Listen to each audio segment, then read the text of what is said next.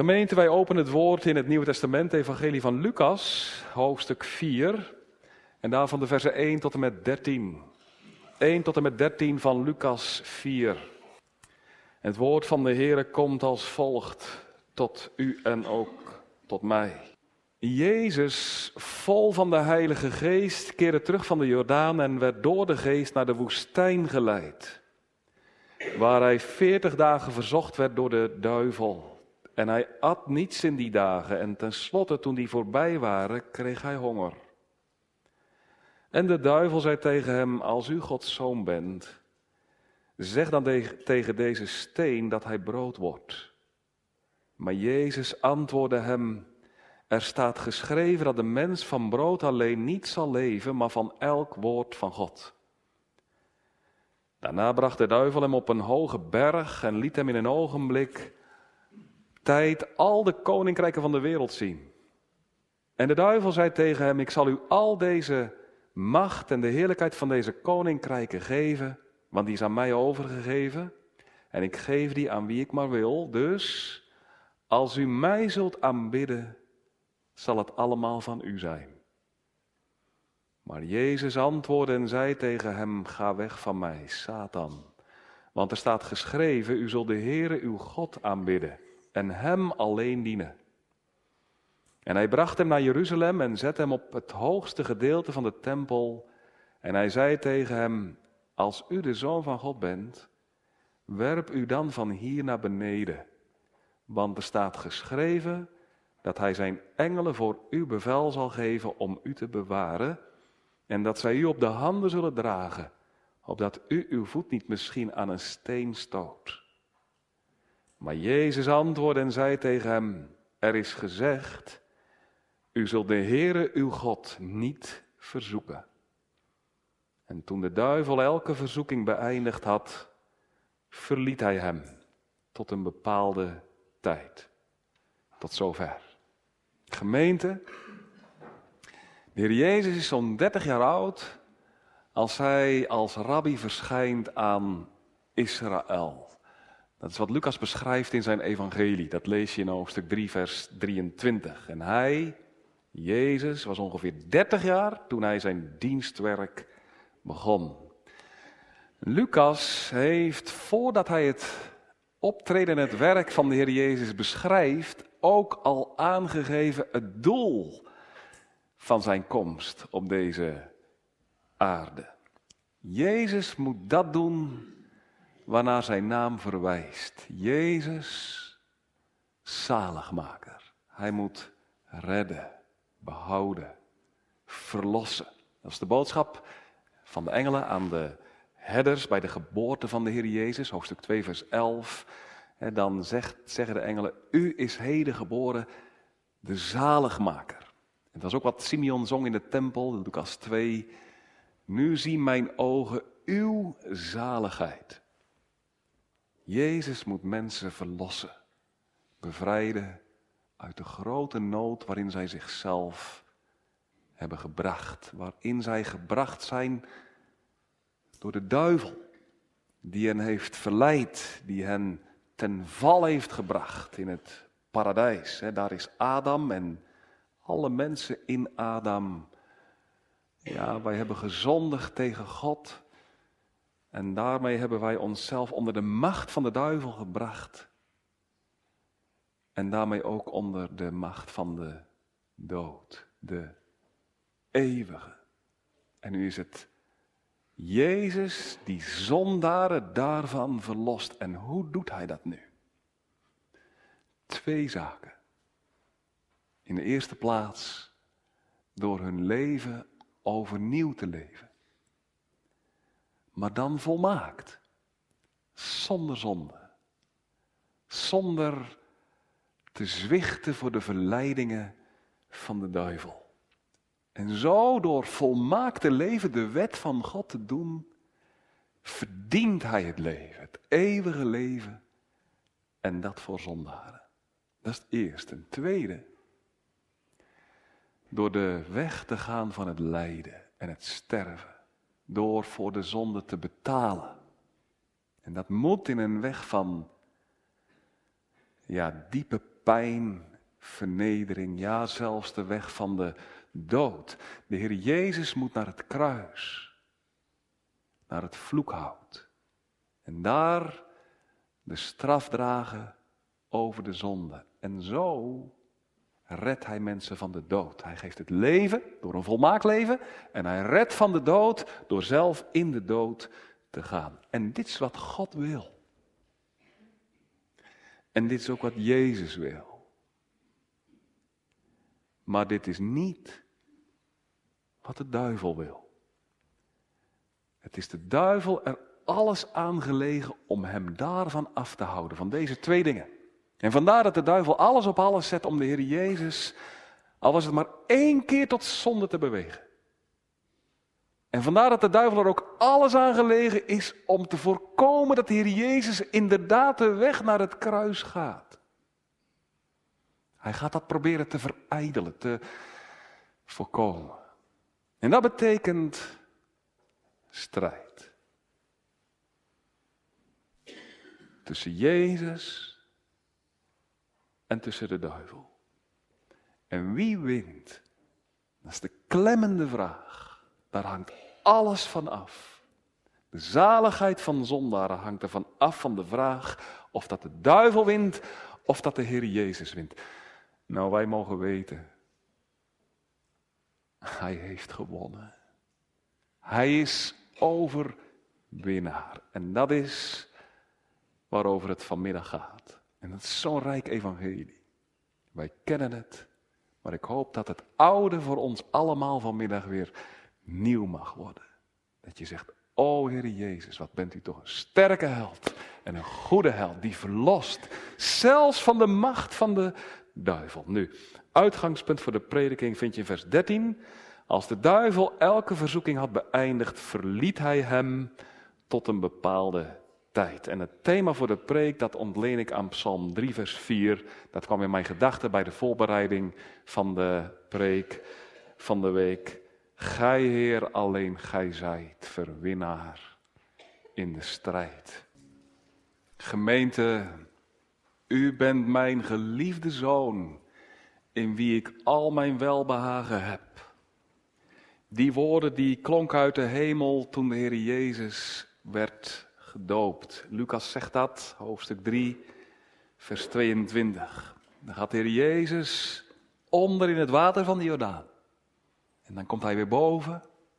Dan gaat de hemel open, dan daalt de Heilige Geest op hem neer en dan klinkt die stem.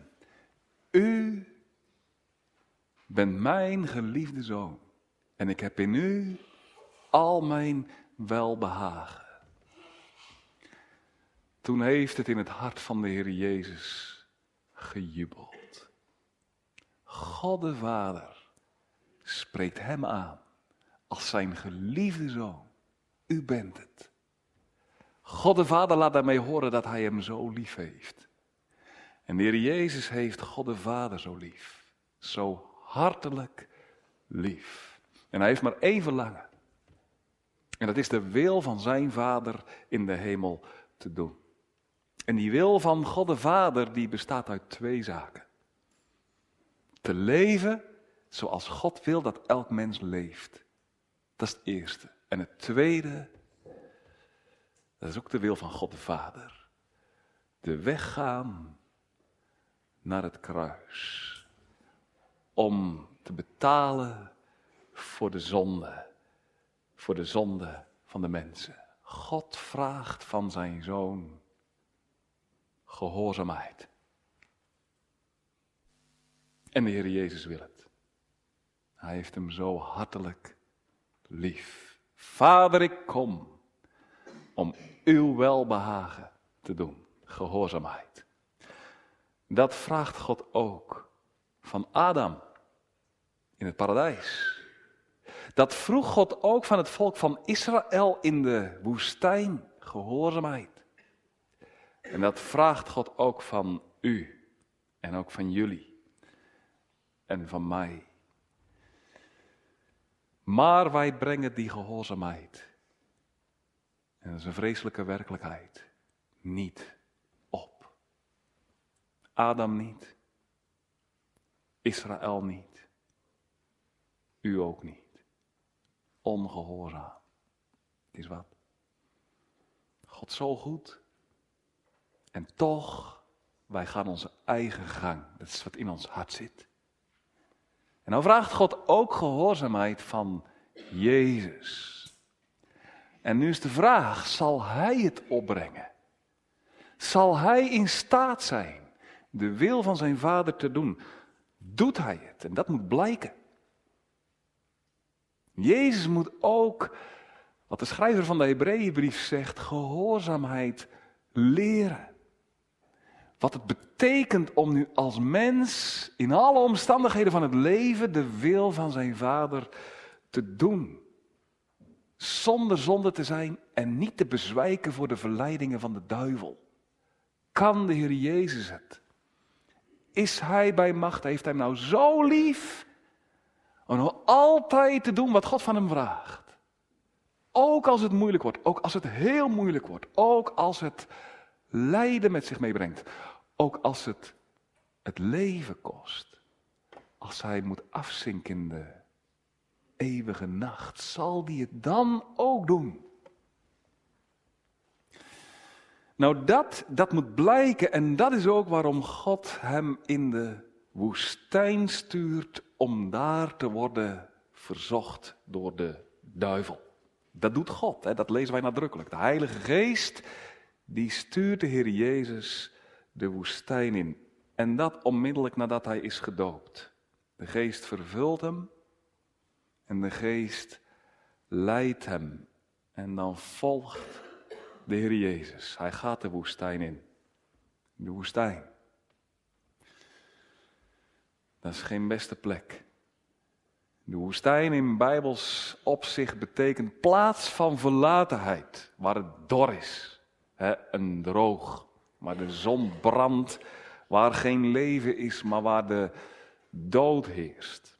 De woestijn is ook het domein van de slang, van demonen, van de duivel.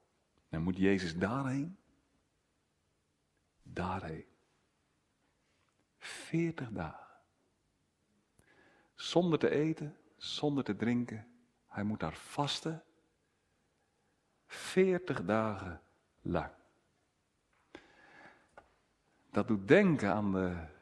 Heb je niet meteen die gedachte? De, 40 jaar die het volk van Israël ook door de woestijn heen trok.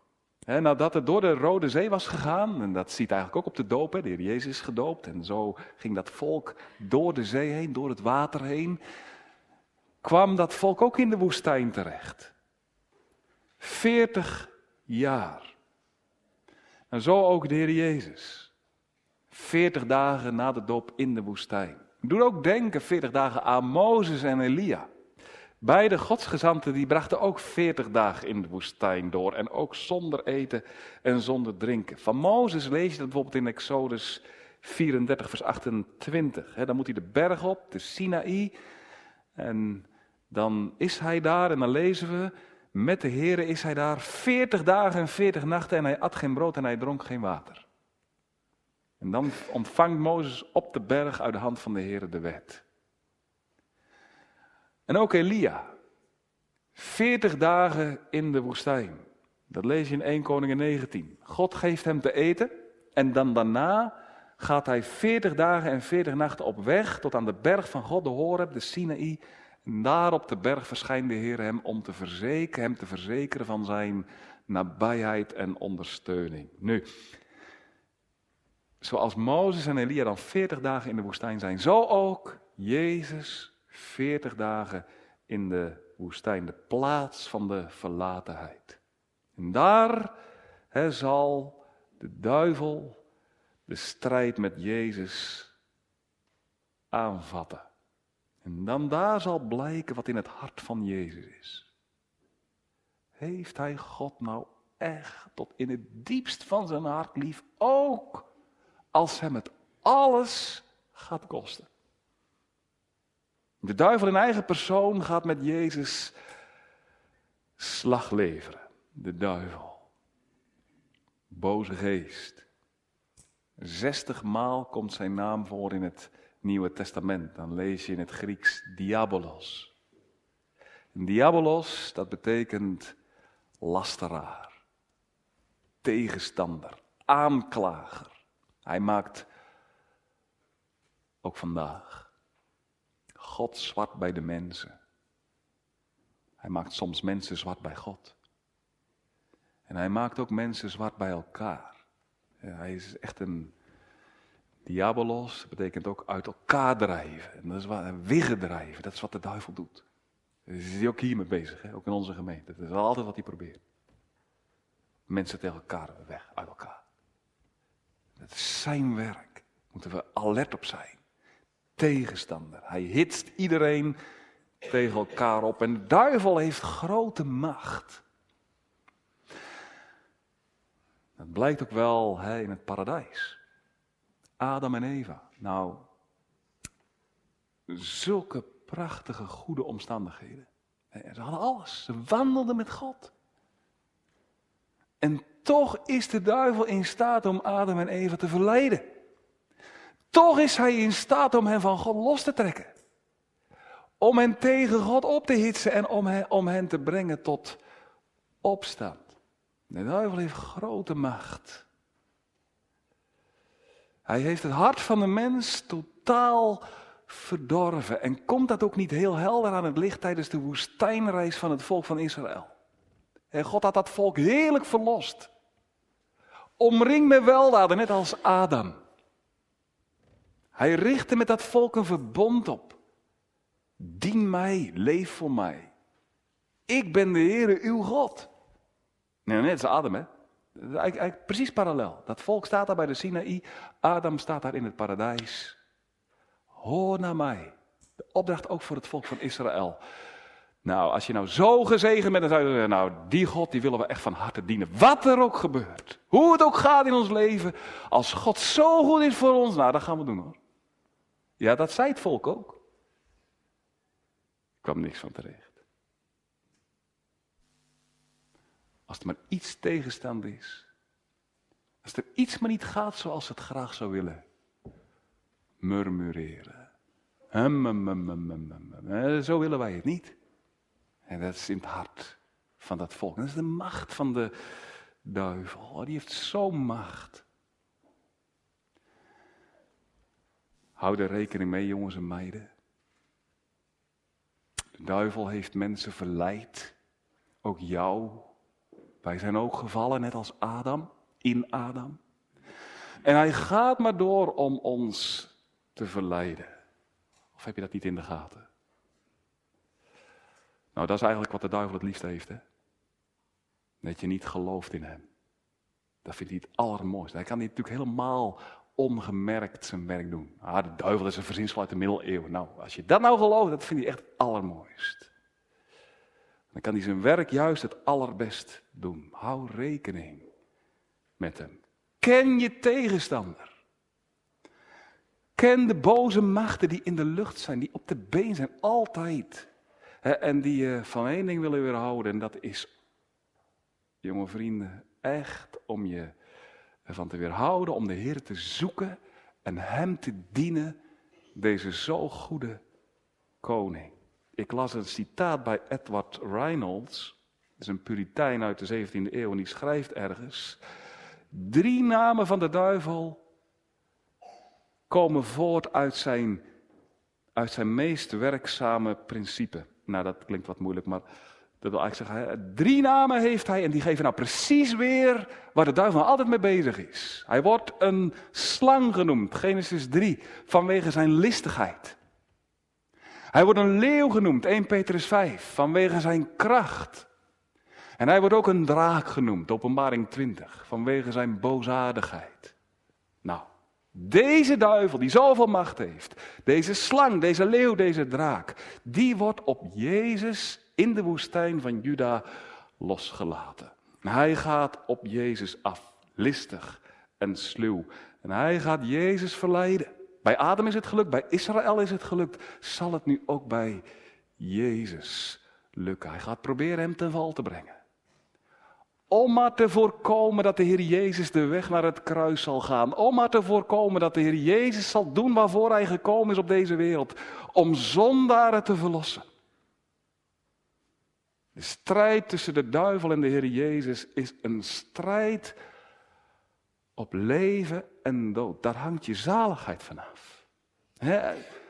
Wij, wij, kennen deze, ik bedoel, deze geschiedenis kennen we allemaal op, op, op, op de laagschool al, al, al vele malen gehoord. Ik vind trouwens niet altijd een eenvoudige geschiedenis, u wel? Maar goed. Maar wij kennen, maar, maar het spant er hier om, hè, echt in de woestijn. Het gaat echt om, om, om jouw behoud. Blijft de Heer Jezus staande of niet? Ah, zeg je misschien, nou, maar de Heer Jezus gaat toch winnen. Nou hij is de zoon van God. Hij heeft goddelijke kracht en goddelijke macht. Dat is, is voor hem toch heel eenvoudig. Dat doet hij toch zo. En is toch voor hem. Nou, ik bedoel dat niet oneerbiedig maar daar kan je wel eens denken. Dat is toch voor de Heer Jezus een peulenschilletje. Nou, toch niet hoor. Zeker niet. Hij is wel de zoon van God. Dat is zo. Maar hij is ook echt mens. Dat is ook wat Lucas optekent. Hè? Meteen na de dood, dan komt Lucas eerst in, hè, met, met het geslachtsregister van de Heer Jezus. En daaruit blijkt, als je zo helemaal terug gaat, dan, dan blijkt, hij komt echt uit Adam voort. Hij is echt mens. Hè? En als echt mens, ook onderworpen aan, aan, aan, de gevolgen van de zonde. Hij kan lijden, hij, lijdt ook echt. Hij voelt pijn. Hij is angstig. Hij ervaart koude, hitte. Pijn is voor hem echt pijn. Ja, dan moet ik ook vaak denken. Kijk, al vanaf het moment van zijn geboorte drukt de last van de zonde op hem. God ziet hem ook echt als een zondaar. Hè? Dat, dat, dat is ook waar. Als hij Jezus ziet, dan ziet hij hem bekleed met, ja, bekleed, omhuld met, met, met zonde, met, met vuil. En dat is waar God op torent. Hij ziet hem als een zon. Dat is voor de Heer Jezus een last geweest. Zijn leven lang heeft het kruis opgedoemd. De schuld stond open. Heeft hij ervaren, ik moet gaan betalen. Dat heeft hem zo benauwd bij tijden. En bedrukt. Als je met schulden loopt, ook in het dagelijkse leven, dan lig je van wakker toch? Gewoon financieel, als je niet rond kan komen. Nou, als je rekeningen hebt die je moet betalen en je weet helemaal niet hoe je dat moet doen, dan, dan dat, dat houdt je bezig toch? Nou, zo heeft de Heer Jezus een rekening te vereffenen. Hoe zal dat gaan? Hoe moet dat? Heeft hem te neergedragen, echt mens. En, en daarom verzoekingen zijn ook voor de Heer Jezus echte verzoekingen. het is niet zomaar dat hij eh, de duivel van zich afslaat zoals wij zomers een vlieg van ons afmeppen. Hup, weg. Nee, nee. Echt mens. En daarom is het voor hem verre van eenvoudig met zo'n gewiekste tegenstander de strijd aan te gaan. Zeker ook niet na een periode van vasten, van 40 dagen niet eten en niet drinken. want dat is het moment waarop het gaat gebeuren. Aan het einde van 40 dagen van de vaste tijd. Als de Heer Jezus honger heeft, als zijn, ja, als zijn lichaam schreeuwt om voedsel, om water. Als hij zo'n trek heeft in, in brood. Als hij uitgeput is. Als hij in nood is, in grote nood. Weet je, ja, dat, dat weten wij. U weet het misschien wat honger is.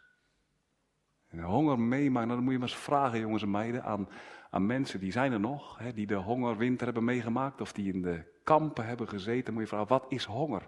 Nou, dan zullen ze zeggen, dat is verschrikkelijk. Als je honger hebt, daar ben je heel de dag mee bezig. Ze alles voor willen doen om maar een, een korst droog brood te krijgen. Daar zou, daar zou, ik, ik heb wel eens iemand horen zeggen, daar zou je zou wel een moord voor willen begaan. Nou, dat is wat de Heer Jezus heeft, honger. Hij is in lijden. Dan zie je hem zitten. In de woestijn. Man van smarten. En dan gebeurt het. Opeens klinken de woorden in zijn oor. Jij bent toch de zoon van God? Is de stem van de duivel. Daar is die. Jij bent toch de zoon van God. Dan moet je nou zo hier zitten, in honger. Als dat nou echt zo is, als jij echt de zoon van God bent. Kijk eens naar die stenen hier. Dan neem je toch een steen en dan maak je daar toch een broodje van. Hoor je wat de duivel zegt? Jij bent de zoon van God toch? Maar moet je dan zo'n honger lijden? Dat is toch niet nodig? Moet je dan zo door het leven gaan? Dat kan toch niet? Zo kun je de wil van God toch niet doen? Weet je wat je moet doen? Zegt de duivel tegen Jezus. Pak een steen en zeg tegen die steen: Word brood. En dan wordt het brood. En dat is wat je kunt. Je bent de zoon van God. Je hebt goddelijke macht. Goddelijke kracht. Je bent sterk genoeg. Nou, wend die kracht aan voor jezelf. Wat is daar mis mee? Dat mag nu toch wel na 40 dagen? Hoor je wat de duivel doet? Wat doet hij eigenlijk hier? Waarom probeert hij de Heer Jezus te verleiden om een steen te veranderen in brood? Ja, dat is het. Dat is natuurlijk de vraag. Wel, het is vooral dit. De duivel probeert de Heer Jezus te verleiden om de macht die hij heeft, nu heeft hij, om die macht aan te wenden voor zichzelf. Niet dus voor anderen, maar voor zichzelf. Om zichzelf te helpen, om zichzelf te redden, om zichzelf te verlossen en zichzelf goed te doen. Man, maak er een brood van. Hij verleidt met andere woorden dus zich, de Heer Jezus, om de macht die de Heer Jezus heeft. Hij heeft zelfs de Heilige Geest. Om die aan te wenden voor zichzelf. En in feite probeert de duivel zo ook God de Vader in discrediet te brengen. Alsof hij niet voor zijn zoon zorgt.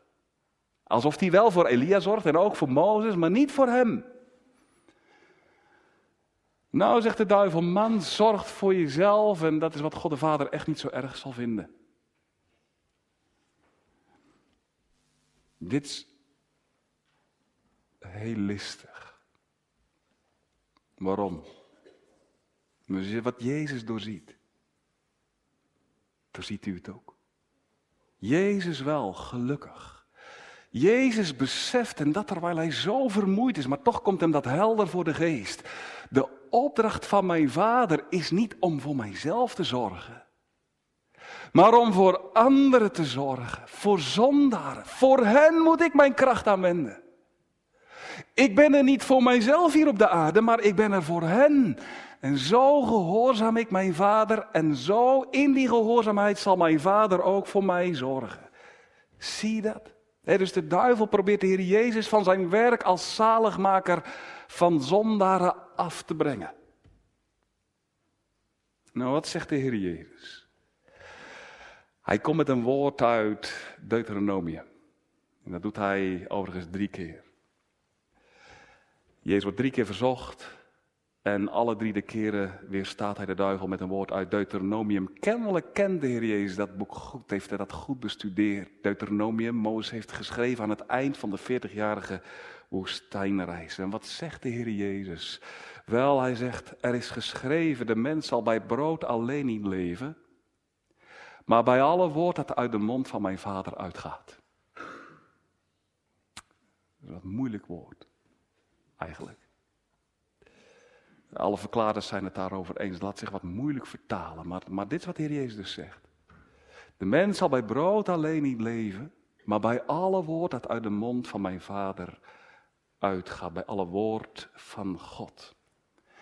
de Heer Jezus zegt er eigenlijk dit mee. Hij zegt, God zorgt.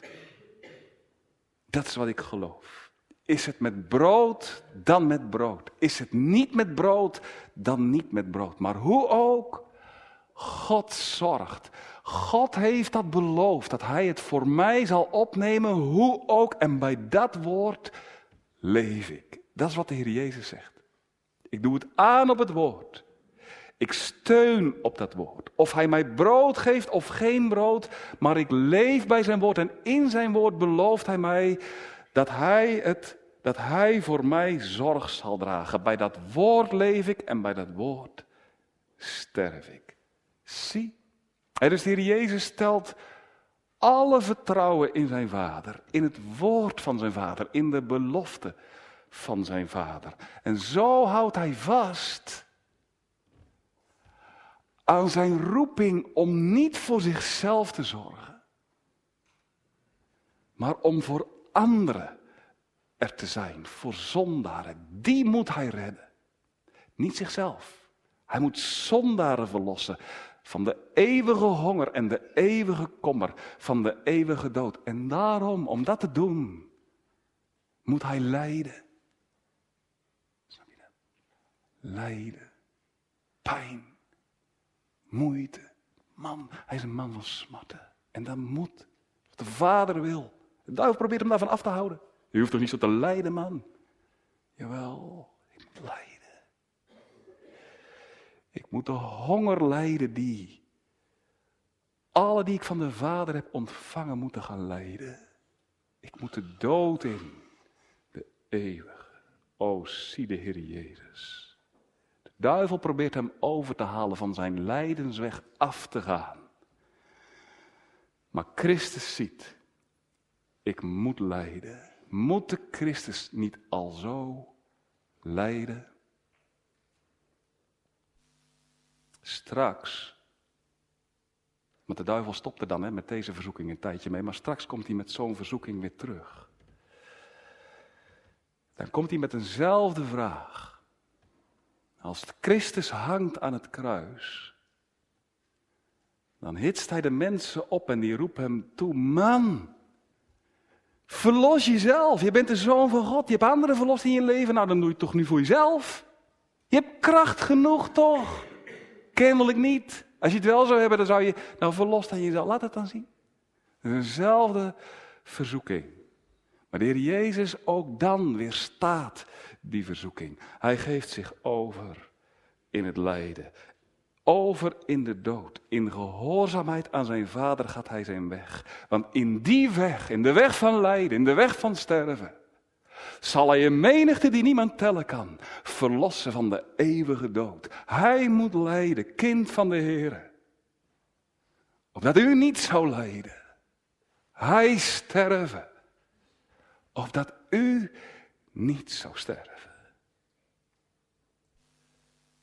Maar zou leven voor eeuwig. Tweede verzoeking. Dan leidt de duivel de Heer Jezus op een hoge berg. Niet letterlijk, maar dat is meer visionair. Hè? En dan toont de duivel, de Heer Jezus, alle koninkrijken, alle culturen, alle landen. En hij zegt, kijk eens zo mooi. Hier, alsjeblieft, voor jou. Mag je hebben. Hij biedt ze de Heer Jezus, hij laat de Heer Jezus naar kijken en ja, ziet het er niet aanlokkelijk uit. Alle volkeren voor hem. De duivel zegt van, nou, ik, ben, ik, heb ik heb ze allemaal in mijn macht, maar ik wil ze allemaal aan jou geven. Dat is ook wat de Heer Jezus weet. Hè? In zekere zin heeft de duivel ze alle in zijn macht. Hij heeft ze verleid. En ze behoren hem toe. Dat is ook wat de Heer Jezus zegt in Johannes 12, hè, dat, dat de duivel de overste der wereld is. En dan zegt de duivel, nou man, je mag ze van mij hebben. En wat wil ik ervoor hebben? Niks. Nou, bijna niets. Ik heb een hele lage prijs. Wat ik van je vraag is dat je mij één keertje aanbidt. Dat je één knieval voor mij maakt. Eén, een klein kort knievalletje. Dat is alles. En dan geef ik je al die koninkrijken en al die volkeren en al die naties. En dan zijn ze allemaal voor jou. Lage prijs. Eén keer, één keer. Oh, wat is dit een verleiding voor de Heer Jezus. De Vader heeft hem ook de wereld beloofd. Alle koninkrijken, alle volkeren. En uit al die volkeren een menigte die zalig zal worden. Je leest dat in de psalmen, psalm 2 onder andere. Alle koninkrijken zul je ontvangen, maar daarvoor moet wel een hoge prijs worden betaald. De allerhoogste, de prijs van zijn leven. De prijs van zijn bloed. Wat een verschil. De duivel leidt de Heer Jezus naar een hoge berg. Zie al die volkeren. Lage prijs en ze zijn voor jou. God de Vader leidt zijn zoon naar een lage berg, Golgotha. En hij zegt, mijn zoon, zie al die heidenen, uit hen een schare die niemand kan tellen. Maar voor de hoogste prijs, je eigen leven. Nou, je zou toch door de knieën gaan. Je zou toch bezwijken voor zo'n aanbod. Geen lijden. Wat doet de Heer Jezus? Hij doorziet hoe de duivel hem opnieuw van zijn weg naar het kruis probeert af te houden. O, zou hij op dit aanbod ingaan? Hij zou de wereld krijgen, zeker. Maar hij zou zich tegelijkertijd ook onderwerpen aan de duivel. Hij zou de wereld krijgen, maar niet een verloste wereld. Hij zou de wereld krijgen, maar wel een wereld waarop de toorn van God zou blijven rusten. Hij zou een wereld ontvangen waarvan zou blijven gelden dat heel de wereld verdoemelijk is in het oog van God. Die wereld. En dat is niet wat Jezus wil. Jezus wil geen goedkope prijs. Jezus is bereid om de wil van zijn Vader te doen en met de allerhoogste prijs, de prijs van zijn bloed, te betalen. Hij wil uit de volkeren der wereld zijn kerk, zeker. Maar alleen, alleen. Als aan het recht van God genoeg wordt gedaan. Alleen als aan de heiligheid van God. Die vraagt om oordeel over de zonde. Alleen als aan die heiligheid genoeg wordt gedaan. Alleen in een weg van lijden wil hij koning worden over heel deze wereld. En daarom, de Heer Jezus neemt opnieuw het woord ter hand, het woord, het zwaard van de Heilige Geest. En hij brengt, de duivel opnieuw een slag toe. Hij zegt tegen hem, opnieuw met een woord uit Deuteronomium, nu hoofdstuk 10. Gij zult de Heere uw God alleen dienen en hem alleen aanbidden. Niet jou, maar alleen de Heere. God alleen. En dat is wat Christus wil. Al kost het hem alles. Hij is niet van zijn stuk te brengen. Zie je dat? Al valt de duivel nog zo bruut op hem aan. Hij blijft zijn vader trouw tot in de dood. Ja. Maar dan is de duivel nog niet klaar. Wacht even, zegt hij. Wacht even, nou heb je mij twee keer met het woord bestookt, nou heb ik een woord voor jou. En dan neemt hij hem mee, de Heer Jezus, naar de tinnen van de tempel. Dat is eigenlijk de hoogste plek van de tempel, een toren, zuidoosten van de tempel, bij het Kedrondal. En daar, daar zet hij de Heer Jezus. En dat is een grote hoogte, 130 meter hoog. Als je daar naar beneden kijkt, dat is, hoe hoog is 130 meter? Ik zag de euromast is 180 meter, dus laten we zeggen drie kwart euro, maar hoog. Als je naar beneden kijkt, dan, dan duizelt het je. Nou zegt de duivel, kijk eens naar beneden.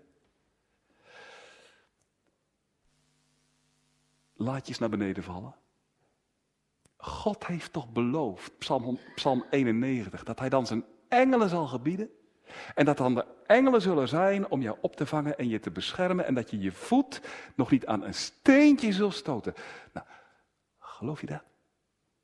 Echt? Nou, laat eens zien dan. Dat dat, zo is. Toon eens je vertrouwen op het woord van God. Je doet het toch zo aan op het woord. Dat heb je nou al twee keer gedaan. Dat wil het nog eens een keer doen. Laat het nog eens een keer zien. Dat jij het echt aandoet op het woord van de Heer. Dat wil ik dan nog eens een keer zien. Laat het zien dat je echt op God vertrouwt en dan zal ook blijken dat God echt voor je zorgt. Toon het me. Het klinkt voor de Heer Jezus zo aanlokkelijk, hè? Om te tonen dat hij nou helemaal op God vertrouwt. Het is toch prachtig als je dat kan laten zien. Ik doe het echt aan op mijn vader. En mijn vader die zal echt voor mij zorgen. Duivel, ik zal je laten zien hoe één ik ben met mijn vader. Hoezeer ik mij op hem verlaat. En hoezeer mijn vader nou mij zal beschermen, dat wil ik je wel laten zien. Voor de Heer Jezus ook zeer moedgevend. Als zijn vader dat inderdaad op dat moment zou tonen. Maar toch, de Heer Jezus doet het niet. Het is, hij weet dus niet wat de vader wil. Zo'n sprong in het diepe. Dat is jezelf in verzoeking brengen. En dat is ook wat, precies wat hij zegt tegen de duivel. Duivel, ga weg van mij. Er is gezegd, gij zult de Heere uw God niet verzoeken. Opnieuw een woord uit Deuteronomium, het zesde hoofdstuk. Zie, hè, dan, dan stopt de Heer Jezus de duivel opnieuw de mond met een Bijbelwoord. Ook deze verzoeking God zal jou beschermen. Man, roep zijn hulp in. Dat wil ik dan wel eens laten zien. Hè? Dat de engelen, dat wil ik dan wel eens zien. Dat de engelen je zullen beschermen. Het is toch heerlijk voor je om dat ook te mogen ervaren dat de engelen je beschermen. Nou, die verzoeking die komt straks ook weer naar voren. Als de Heer Jezus dicht bij het kruis is, dan komt dat opnieuw terug. Bij de hof van Gethsemane. En dan komt daar die bende met gewapende lui en die willen dan de Heer Jezus grijpen. En dan trekt Petrus het zwaard. En hij wil er eigenlijk mee zeggen, Heer Jezus, kom. Laten wij ze verslaan, de vijanden. Laten wij onze macht inzetten voor onszelf. En wat zegt dan de Heer Jezus? Matthäus 26. Het woord van de Heer Jezus. Niet doen. Of denkt u niet dat ik mijn vader kan bidden? En hij zal mij twaalf legioenen engelen bijzetten en ter beschikking stellen. Ik kan mijn vader zo vragen om engelen. Hier in dit Kedron, bij de Kedrondaal. En ook straks bij de Hof van Gethsemane. Maar ik doe het niet. Engelen staan mij ter beschikking, o zeker. Maar ik zal de hulp van mijn engelen niet inroepen. Waarom niet? Wel omdat dat zo'n, dat is zo'n listige verleiding van de duivel hier ook. Hè? Man, roep toch die engelen voor jou. Nee, nee, nee, nee, de Heer Jezus zegt, ik moet de weg van het lijden ingaan. Ik moet sterven. En zo, in een weg van lijden sterven, zo zal ik zondaren verlossen, opdat zij niet hoeven te lijden en zij niet hoeven te sterven. Zie. Zo probeert de duivel de Heer Jezus driemaal te verzoeken. Driemaal probeert hij hem te bewegen tot een ogenschijnlijk kleine zonde. Driemaal probeert hij hem te bewegen om af te wijken van zijn weg van lijden en van sterven. Maar tot driemaal toe te vergeefs. Te vergeefs. O, zie je vanmiddag de Heer Jezus in de woestijn, uitgeput, fel overbeen, smachtend naar water, hongerig, maar met geen mogelijkheid is hij af te brengen van zijn voornemen om de zee van het lijden in te gaan. O, zie hoe hij daar staat, als een rots in de branding, onbewegelijk, standvastig, vastberaden. Hoe de duivel ook tekeer gaat. Hij heeft slechts één verlangen om de wil van God de Vader te volbrengen. En die is dat hij naar het kruis gaat om te lijden. O, is deze Heer Jezus, hij houdt daaraan vast. Hè? dat is wat geweest. Af te zinken in de zee van Gods toorn. Maar hij houdt eraan vast. Waar Adam viel en wij in Adam, blijft deze Adam, de tweede, staan. Waar Adam in het paradijs in de meest gunstige omstandigheden God loslaat. Daar houdt deze Adam de tweede. God in de meest bittere omstandigheden vast. Waar de eerste Adam en wij in hem, en wat is dat toch schandalig dat we dat hebben gedaan. Waar wij God de rug hebben toegekeerd. En terwijl alles zo goed was, daar houdt de Heer Jezus God vast. Terwijl alles zo, zo bitter voor hem is. Hoe tekent het niet de liefde die hij heeft voor God de Vader? Maar tekent het ook niet de onuitsprekelijke liefde die hij heeft voor zondaren? Oh, hij is zo van harte bereid om hen te verlossen uit de macht van het kwaad, van de zonde en van de dood. Hij heeft zichzelf er geheel en al voor over. Hij wil er honger voor lijden, de eeuwige honger. Hij wil er de hoogste prijs voor betalen, de prijs van het kruis. En hij wil ervoor de hulp van engelen zich ontzeggen. Nee, de Heer Jezus gebruikt de macht die hij heeft niet voor zichzelf, maar hij geeft zichzelf over in het lijden. Zo lief heeft hij zondaar. Zo van harte lief. Hij wil niet dat zij lijden. Hij zegt, Vader, ik zal lijden. Hij wil niet dat zij sterven. Hij zegt, Vader, ik zal sterven. Hij wil niet dat zij worden verdoemd. Hij zegt, Vader, laat mij in de verdoemenis gaan. En om opdat zondaren ook in oud bijland zullen leven. O, Christus wil het, het behoud van zondaren. God wil het. Daarom stuurt hij zijn zoon naar deze wereld, opdat zondaren op grond van recht aan het kruis genade zullen krijgen. O, zie vanmiddag deze Heer Jezus Christus. Hem heb je nodig. Hem alleen. O, zonder Hem ga je voor eeuwig verloren. Voor altijd. O, en, en, en, en je ligt verloren van huis uit. Wij hebben onszelf door de duivel laten verleiden. En het is wat wij elke dag nog ons laten doen als wij nog onbekeerd zijn. Dan ben je, ben je nog onbekeerd. Zijn er onder ons onbekeerd? Dan ben je nog in de macht van deze duivel. Dan behoor je hem toe. Misschien wel zonder dat je er erg in hebt. Wel zie het, want hij blijft er maar mee bezig om je te verleiden.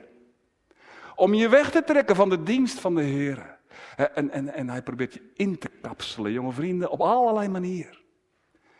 Door je van alles en nog wat voor te schotelen. Kijk eens zo mooi.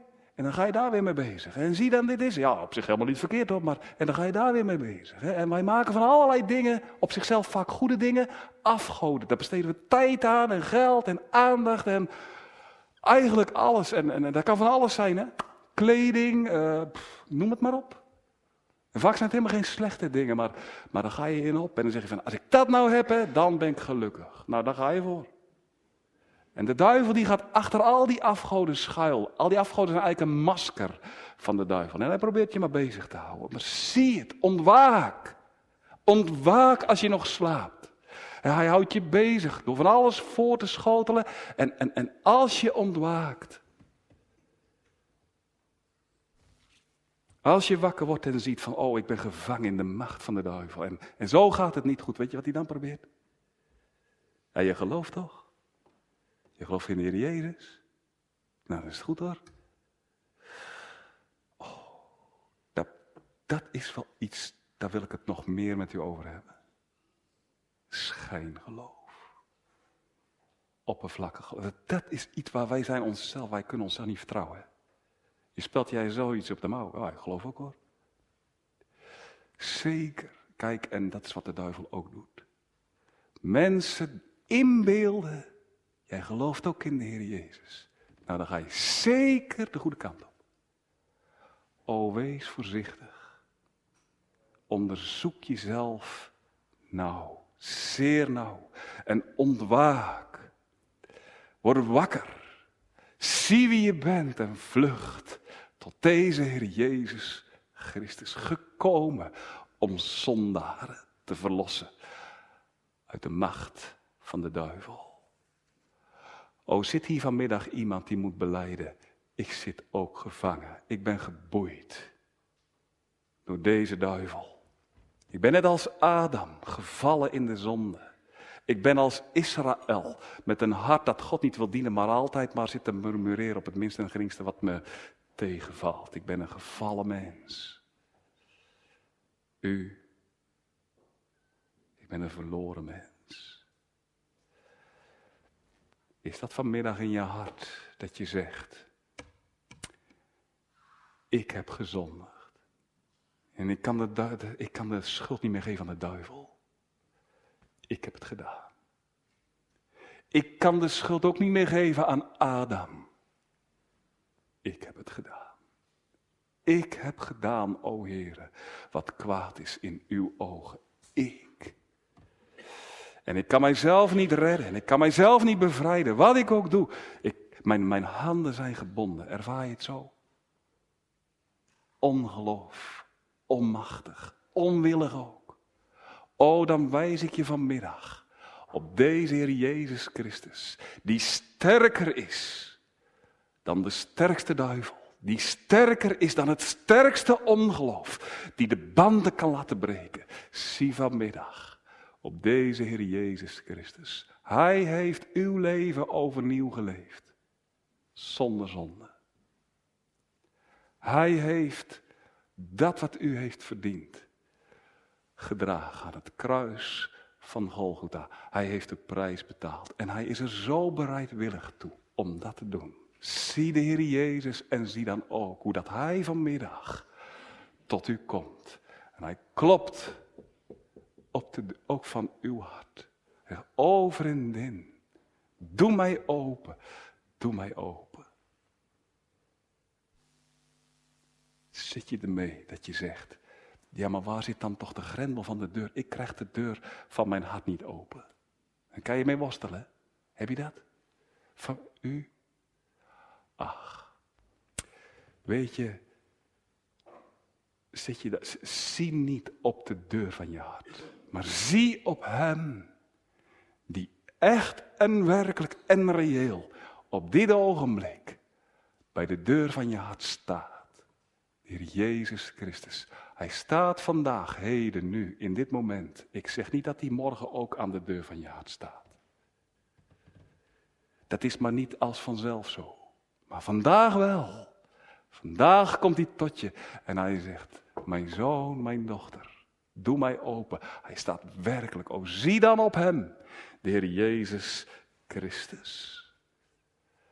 Wie op hem ziet en gelooft dat hij aan de deur staat, wel die doet, die, die doet de deur als vanzelf open.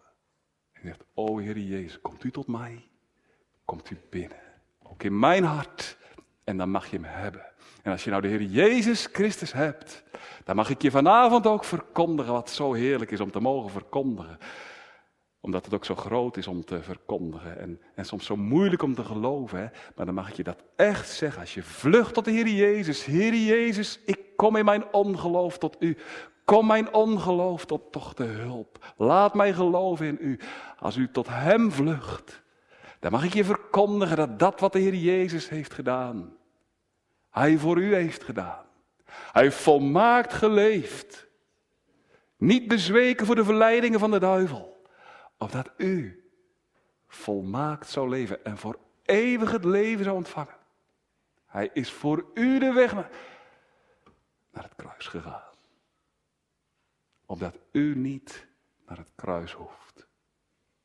Oh, wat een zaligmaker is deze Heer Jezus. Gij Heer, alleen Gij zijt.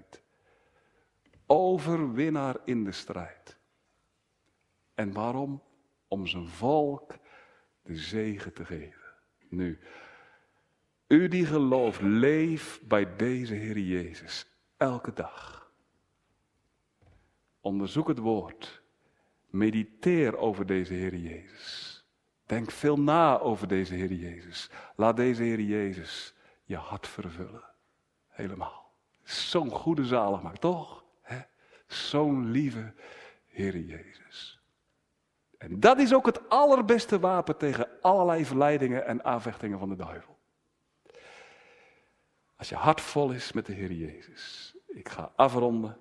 En dat wil ik doen met wat Maarten Luther ergens vertelt. Hij kreeg ooit de vraag voorgelegd van hoe gaat u nou om met de duivel, met zijn bestrijdingen. En die man werd veel bestreden door de duivel. Voortdurend. Maar weet je wat ik zeg? Als de duivel aan mijn hart komt en hij klopt en hij zegt wie woont hier? Dan staat de Heer Jezus op in mijn hart. En dan gaat de Heer Jezus naar de deur. En dan zegt hij, Maarten Luther woont hier niet meer. Maarten Luther is heen gegaan. Ik woon hier. Jezus. Nou, zegt Luther, als de duivel dat hoort, dan schrikt hij zo geweldig, dan zet hij het onmiddellijk op een rennen. Dan is hij weg. Nou zo, laat de Heer Jezus in je hart wonen. Als de duivel bij je komt en hij hoort de stem van de Heer Jezus, dan zet hij het onmiddellijk op een rennen. Gaat hij onmiddellijk op de vlucht. Daarom nogmaals, dat het woord, de Heer Jezus Christus, je hart vol maakt. is het beste wapen in de strijd. Geloof alleen. Amen.